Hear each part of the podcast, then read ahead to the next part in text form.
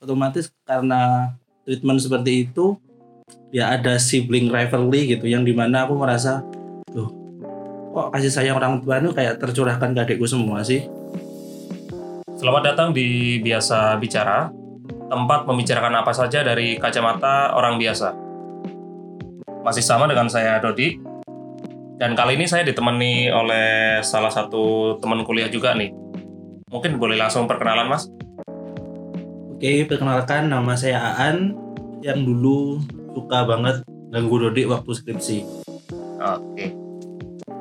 Gimana An? Jadi kuliah lagi sekarang? Lanjut.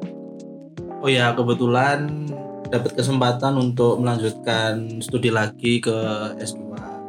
Uh, sama, kampus sama atau pindah sekarang An?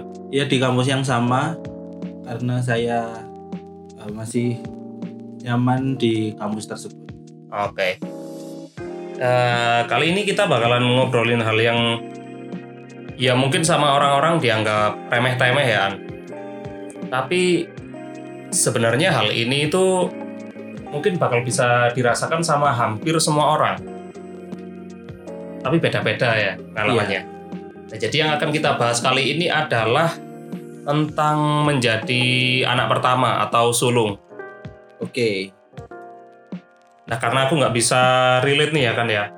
Aku kan anak bungsu ya ya. Iya. Dan kamu sulung kan ya? Iya aku sulung punya satu adik laki-laki. Oke. Okay. Uh, mungkin aku mau tanya dulu sih, An. Rasanya jadi anak sulung itu gimana sih?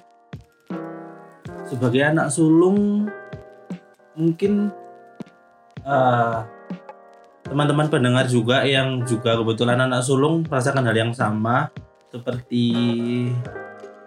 ya harus menjadi model yang baik untuk adiknya, selalu menjaga adiknya, harus bisa lebih dewasa harus bisa juga uh, jadi uh, bukan tulang punggung juga ya tapi setidaknya uh, berperan dalam keluarga juga. Berarti semacam dituntut untuk jadi role model gitu ya atau penerus dari ya katakanlah tulang punggung keluarga gitu? Iya. Uh, untuk teman-teman yang mungkin pernah nonton film nanti cerita cerita tentang hari ini itu uh, hampir sama seperti yang saya alami. Uh, kebetulan saya masih ingat adik saya itu lahir waktu saya kelas 1 SD dan itu uh, ayah saya membawa saya melihat ke tempat adik saya di ruang bayi itu dan ayah saya bilang uh, nak kamu sekarang sudah menjadi kakak. Berarti tanggung jawabnya sudah semakin besar. Nanti kalau adik udah gede yang jaga harus kamu. Kalau adik butuh sesuatu itu tugas kamu. Hmm. sedikit banyak sudah membawa pola pikir saya sebagai calon tulang punggung keluarga di masa depan nanti semacam dipasrai tanggung jawab baru gitu iya tapi kalau yang aku dengar-dengar nih ya kan aku juga nggak bisa terlalu relate ya sama kakakku juga aku ya mungkin dulunya akrab tapi nggak seakrab itu juga. Jadi aku masih kadang kalau anak-anak cerita tentang sulung itu aku nggak bisa relate gitu. Tapi apa iya sih kalau sebagai anak sulung itu dididik lebih keras di keluarga? Oke, okay. uh, untuk istilah lebih keras sebenarnya itu istilah yang relatif ya. Tapi kalau dididik dengan mungkin lebih disiplin dan lebih uh, tegas mungkin iya Contohnya nih, Contohnya, uh, kayak gini, misalkan dulu waktu aku um, SD sudah agak besar, kelas 6, kelas 5 gitu kan, uh, aku juga sering nemenin adik bermain gitu. Entah itu bermain uh, di luar sama teman-teman lainnya. Dan misalkan kalau adikku itu istilahnya kayak uh, entah itu kepleset atau terluka sedikit aja lebih banyak yang disalahkan kakaknya gitu meskipun kakaknya itu nggak bener-bener pengen adiknya terluka gitu hmm. atau di sekolah harus dapat nilai yang bagus sebagai contoh untuk adikmu ada ekspektasi tersendiri gitu ya dari orang tua untuk sang kakak ini biar selalu bisa menjadi sosok yang sangat-sangat mengayomi dan juga menjadi panutan gitu. Iya. Ya, itu yang saya rasakan selama ini. Dan itu apakah bikin kamu sebenarnya kayak gimana? Ya? Dibilang stres juga ya bisa jadi sih sebenarnya. Tapi apakah Iya. jadi beban gitu? Oke, sebenarnya eh, cara aku menyikapi ekspektasi, tanggung jawab, dan tuntutan orang tua itu semakin aku dewasa semakin berubah sih. Hmm. Dulu waktu awal-awal SMP, SMA gitu, eh, waktu-waktu remaja kan waktu-waktu rebel gitu ya, waktu-waktu kita bebas-bebasnya itu jujur nggak terlalu aku pikir soalnya aku juga butuh kesenanganku sendiri gitu Hmm. aku juga butuh kebebasanku untuk melakukan apa yang aku inginkan tanpa harus memikirkan tuntutan orang tua yang harus terlihat sempurna harus nilainya bagus terus Hmm. jadi role model yang baik gitu tapi setelah masuk ke perkuliahan dan uh, menjadi lebih dewasa ya memang sangat kerasa sekali ekspektasi yang dari kecil itu ditanamkan memang itu tanggung jawabku gitu Hmm. yang harus uh, dapat kerja duluan bantu adik untuk biaya sekolah nah itu memang baru terasa dan hal seperti role model tadi juga berasa. Kalau dari kamu sendiri gitu ya, sebenarnya merasa nyaman nggak sih dengan segala tuntutan kayak harus kerja dulu biar bisa membantu eh, adik secara finansial baik dari uang sakunya atau biaya pendidikannya gitu. Iya. Tuntutan gitu. Dan memberatkan. kalau dibilang nyaman eh, ada kalanya nyaman itu datang justru waktu ketika eh, aku bisa sedikit membantu eh, orang tua dalam mengurangi beban keluarga itu justru. Selama ini aku mencoba untuk eh, lebih berdamai dengan fakta bahwa aku anak pertama tidak terlalu memfokuskan diri terhadap tuntutan-tuntutan yang mungkin untuk beberapa orang terkesan memberatkan dan terasa sangat membebani karena saat kita berpikir dapat misalkan dapat sudah dapat kerja dan dapat rezeki ada sesuatu yang kita inginkan eh, ternyata keinginan itu harus sementara itu sementara ditunda untuk mencukupi kebutuhan keluarga atau mengurangi beban keluarga itu Hmm. Tapi kalau misalnya kalau kamu melihat adikmu sendiri ya dengan katakanlah tadi kewajibanmu atau Iya, eh, keinginan orang tuamu agar kamu bisa membantu adikmu tadi. iya. Kamu sebenarnya ngerasa iri nggak sih dengan Oke. si adik ini?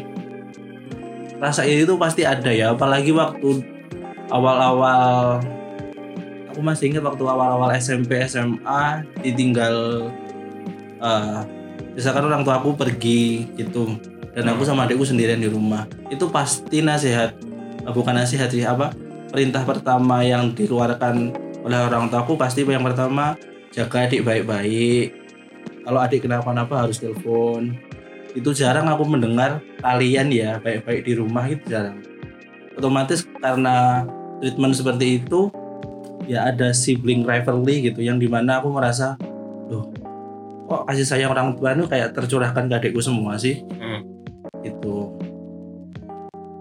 namun semakin kita dewasa semakin sebenarnya semakin mengerti kalau uh, kasih sayang orang tua itu sebenarnya sama antara kakak dan adik cuman rasa iri itu ad- pasti ada sih pasti sempat ada Hmm.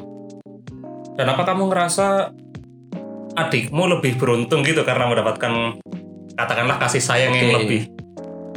Em, mungkin ini aku terdengar seperti kakak yang jahat sih ya tapi eh, yang aku rasakan memang ya ada keberuntungan yang dirasakan oleh ad- adik soalnya dari awal dia belajar dari awal dia eh, tumbuh itu pasti ada support bantuan dan mungkin kepedulian yang lebih daripada yang aku rasakan dulu itu waktu uh, mungkin hal sepele seperti mengerjakan PR, membuat tugas itu pasti uh, ayah bilang, tolong adik dibantu dulu. Hmm. Apa gunanya punya emas tapi nggak bisa bantu kayak kayak gitu. Hmm. Treatment seperti itu ya membuat aku merasa ya enak sih ya jadi anak kedua ya dapat semua kasih sayang, dapat semua support. Sementara aku dulu waktu butuh apa-apa harus uh, mencoba memecahkan semuanya sendiri. Hmm. Tapi kalau dari pandanganmu sendiri sebagai kakak ya, Hmm. Apakah kamu sebenarnya mengamati gitu kalau adikmu ini entah di keluarga atau di sekolahan itu punya problematikanya sendiri gitu katakanlah Iya. kayak apa ya karena dia sebagai bungsu dia punya tuntutan lain gitu yang sebenarnya mungkin dari perspektif sulung tidak dirasakan gitu Iya.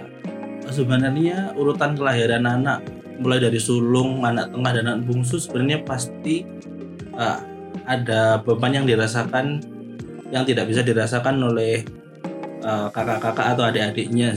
Hmm. Yang aku amati dari adikku uh, kadang dia juga mendapatkan ekspektasi harus seperti kakaknya tidak bisa diberi kebebasan untuk memilih caranya sendiri uh, ataupun mencoba melakukan apa pun dengan kemampuan dia yang aku amati memang adikku itu kesulitan untuk uh, apa ya istilahnya hidup mandiri gitu. Soalnya uh, karena dari kecil sudah terbiasa dibantu dan tidak terlalu struggle untuk mendapatkan hasil yang dia inginkan waktu dia ditempatkan dalam posisi dia harus berusaha berjuang sendiri untuk mendapatkan hasil akhirnya dia kesusahan Hmm.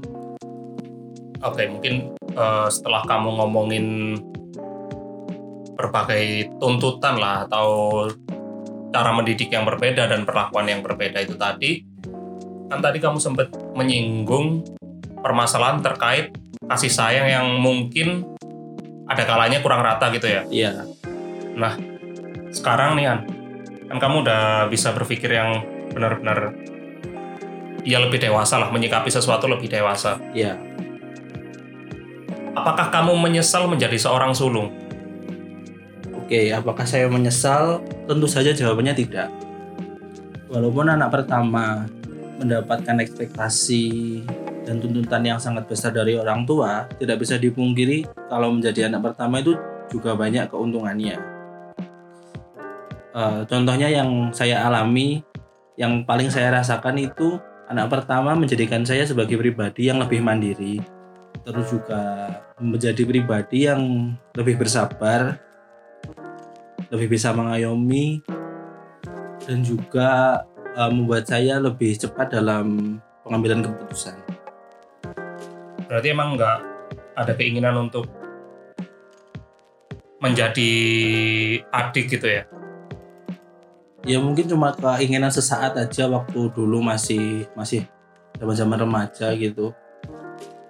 Waktu masih ngerasa kayak ada pilih kasih atau kurangnya kasih sayang orang tua terhadap anak. Tapi semakin dewasa semakin uh, ya makin nyaman Tapi kalau seandainya nih, seandainya kamu bisa memilih gitu ya? Iya. Bisa memilih antara kamu akan memiliki adik atau tidak? Mana yang kamu pilih? Hmm, justru aku akan memilih mempunyai adik lebih dari satu. Kenapa? Oh, mungkin kalau mempunyai adik lebih dari satu, asumsiku adalah uh, tuntutan dan tanggung jawab yang bakal dibebankan terhadap anak pertama itu uh, juga semakin besar. Namun uh, sekarang sih aku lebih bisa uh, merasa nyaman dalam itu sih peran mengayomi adik sih. Uh, ini mungkin juga berbeda-beda sih ya. Hmm. Tapi uh, justru yang aku rasakan adik itu lebih dekat kepada aku daripada orang tua Oh karena kamu yang lebih sering untuk mengayomi Iya. gitu ya? lebih sering mengayomi dia lebih uh, comfort cerita curhat sama aku Oke. Eh, mungkin terakhir An. dengan segala pertimbangan baik dan buruk tadi itu, kamu ada pesan nggak sih untuk atau ya katakanlah pesan lah ya, ya pesan untuk eh, anak sulung lainnya di luar sana, oke Eh, mungkin si bungsu juga dan juga orang tua. Iya. Eh, untuk teman-teman pendengar yang kebetulan juga anak pertama, pesanku ini sih. Eh, tidak bisa dipungkiri kalau anak pertama memang menjadi eh, harapan orang tuanya untuk menjadi tulang punggung dan eh, menjadi pengayom di keluarganya setelah orang tuanya eh, tidak ada gitu. Dan tanggung jawab mempunyai tanggung jawab penuh kepada adik-adiknya. Tetapi peran itu justru membuat kita menjadi pribadi yang lebih baik pribadi yang lebih kuat Eh, dan kalau kalian-kalian merasa ya ada pilih kasih antara anak pertama dan eh, adik-adiknya ketahuilah bahwa orang tua itu pasti menyayangi kalian, menyayangi anak mana pun dengan uh, intensitas yang sama. Untuk anak, untuk adik ya tepatnya aku, uh, jika kalian merasa terbebani, harus seperti kakak yang sempurna, harus seperti kakak yang uh, selalu mendapatkan hasil yang baik. Uh, pesanku adalah kamu juga mempunyai freedom, kebebasan untuk memilih jalanmu sendiri. Tapi yang paling penting adalah syukurilah kamu mempunyai kakak. Eh, syukuri keberadaan kakakmu sebagai teman, sebagai sahabat, sebagai pelindung, dan sebagai eh, pendengar juga. Eh, untuk orang tua yang mungkin eh, mendidik lebih keras kepada anak pertama karena berharap terlalu banyak yang perlu di eh, garis bawahi adalah luangkan juga waktu walaupun sebentar juga nggak apa-apa untuk menanyai kabar dan perasaan anak-anak pertama gitu. setidaknya waktu ada diskusi keluarga jangan hanya menuntutkan semua beban kepada anak pertama tapi juga kali-kali ditanya bagaimana eh, kabarmu? Apakah kamu baik-baik saja? Apakah ada kesulitan? Kalau sulit kalau misalkan ada kesulitan eh, jangan dipendam. Jangan juga dibiarkan. Tapi ngomonglah kepada ayah dan ibu itu sih. Dan eh, untuk orang-orang tua yang eh, mungkin terlalu khawatir ya istilahnya kepada anak-anak atau adik-adik eh, yang bungsu gitu.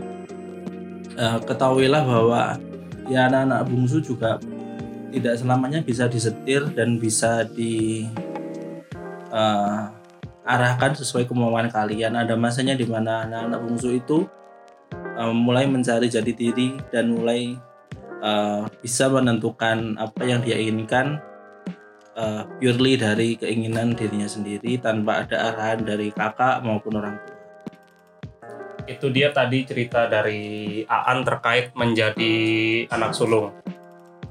Karena aku nggak bisa uh, relate terlalu banyak terhadap sosok sulung ini, jadi mungkin aku akan sedikit belajar dari perspektif Aan sebagai anak sulung. Dan mungkin para pendengar juga bisa relate gitu ya, yang entah sulung maupun bungsu terkait ceritanya Aan ini tentunya. Mungkin demikian sih episode yang kali ini.